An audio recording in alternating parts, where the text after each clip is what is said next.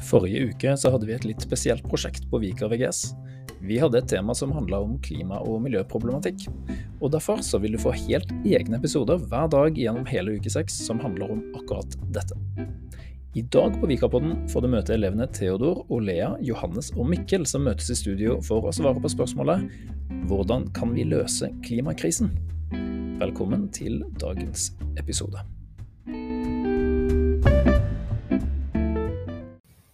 Det er viktig å gjøre tiltak eh, innenfor teknologi, eh, eget forbruk og innenfor politikken.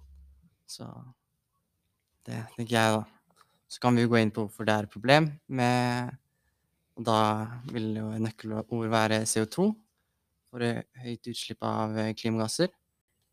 Er dere enig? Ja. Ja. Så bra. Ja. Ja, altså du har jo mm, de to største, da, som er altså forbrukene, som er klær og, og mat, kanskje. Hvor, eh, hvor det finnes veldig mange alternativer for å um, få dette til å bruke mindre CO2, da. Um, har dere noen forslag?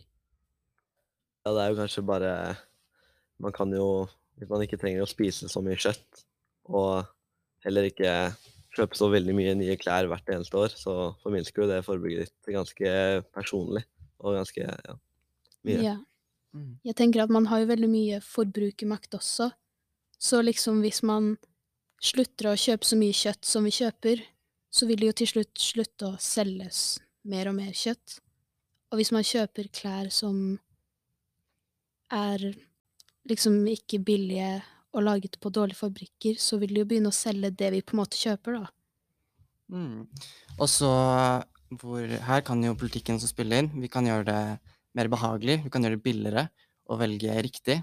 Vi kan ta penger fra f.eks. Eh, ikke bærekraftige produkter, og, og gjøre det da billigere å velge bærekraftige produkter. Og så kan man også innføre subsidier til eh, kleskjeder som eh, som, eh, som har mye bærekraftige, produkter. Men hva betydde det ordet? Subsidier? Subsidier, det er jo liksom å gi liksom et bidrag, da. Vi Ja. ofte snakk om penger. Aha. Statlig støtte. Mm. Og så er det viktig å tenke konsekvensetikk. Hvem dette går ha- hardest utover, og i hvert fall i eh, hva man skal prioritere, da. Hva, hva man skal prioritere å gjøre. Og alt, yeah. mye handler jo om penger. Så Mm. enten skal alle betale mer skatt, eller så må vi ofre fra noe annet, da. Ja.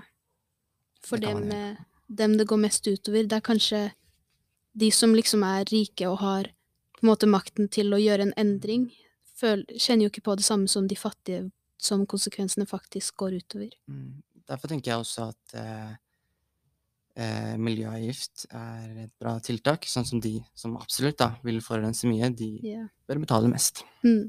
Enig. Mm. For det er de som liksom kan gjøre noe med saken. Mm.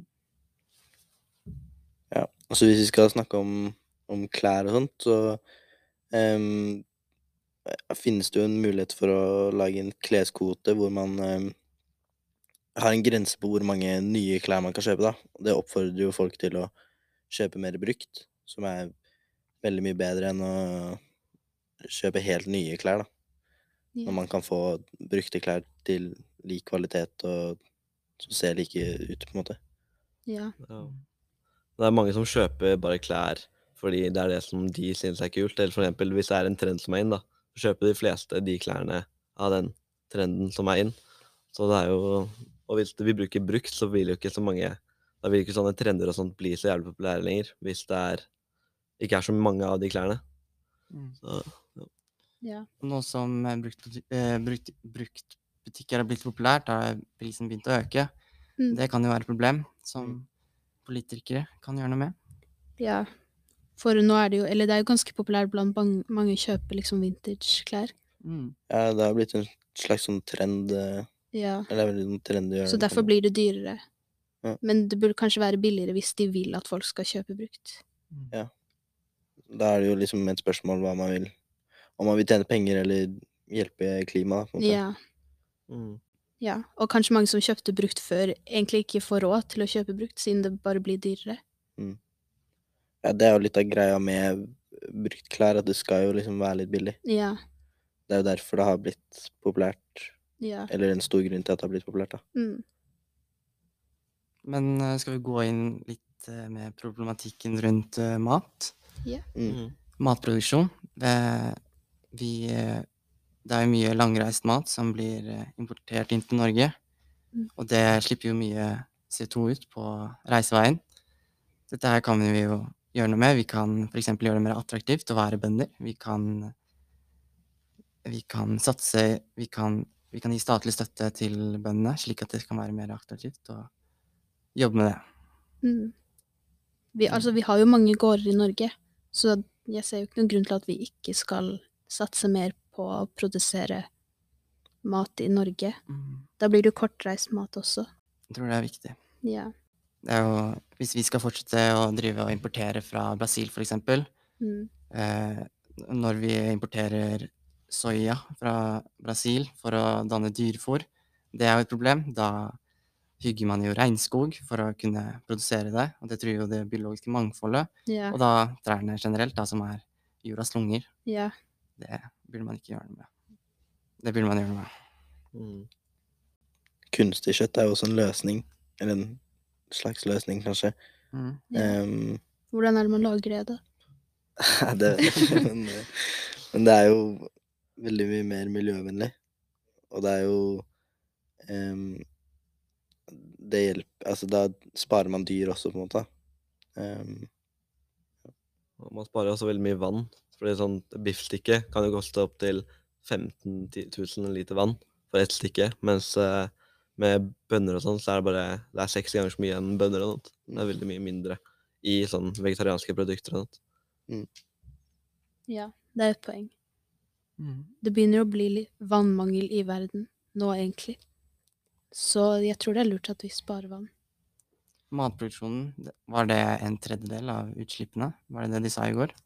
Jeg tror det. Klimautslippene? mm, Ja. Noe sånt? Høres Ganske mye. Ja. Så det er en, det jeg tror det er viktig å satse på det. mm, Og så er det jo også veldig mye som blir kastet. Så med, man burde kanskje være flinkere på å ikke kaste så mye mat. Det er jo folk som sulter i verden. Mm. Så hvis man hadde kunnet gitt liksom alt man kastet til dem, så hadde jo folk ikke sultet. Må kanskje øke terskelen før man kaster mat. Ja. Bruke den se, lukte eh, Se, lukte og smake-metoden ja. før man kaster. Det er jo sånn at det er sånn 58% eller noe av alt som blir kasta av mat, er i hjemmet. Så det er liksom hva vi selv, ikke, hva vi selv kaster og sånn. Bare en skorpe og sånt. Det er jo fortsatt en god del mat som er igjen da. Og ja. hvis det blir kasta hver eneste dag hele livet, så blir jo det veldig mye mat. Liksom. ja, jeg tenker at folk eh, Hvis de har lyst til å liksom gjøre noe, så kan de starte Så er det en veldig god start, da. Å starte med bare å spise skorpen og, eller skalken og lage litt mindre porsjoner hvis de føler at de spiser mye mat. Eh, som de eller hvis de ikke blir spist mye mat, da. ja. Jeg tror kanskje også folk egentlig er litt late. Så de tenker hvis de for eksempel har en salat og så ett blad brunt, så kaster de det og heller kjøper en ny Mm. på butikken. Mm. Siden vi har muligheten til det, da. Jeg tenker også at det er viktig å fokusere, ha et litt mer globalt perspektiv. Mm. Vi i Norge vi står for mye, i hvert fall per eh, innbygger. Men eh, det er jo mange flere innbyggere her i verden. Så jeg tenker det er viktig med globalt samarbeid. Vi får mer til sammen. F.eks. med teknologi. Vi må jo dele informasjon for at yeah. flere kunne, kunne bruke den. Mm. Og så Hvis vi skal tenke på energi, da. Det er viktig. Vi har jo mangel på energi her i verden. Derfor tenker jeg det er viktig å kanskje innføre atomkraft. Den Mm. kilden er jo forutsigbar. Man kan produsere den når som helst. Mm. Og er svært effektiv i forhold til de andre energikildene. ja. Mm. Det slipper jo ikke ut noe CO2 heller. Nei. Det er en dugnad. Vi kan ikke fortsette å leve sånn som vi har levd nå. Nei. Så vi må stoppe.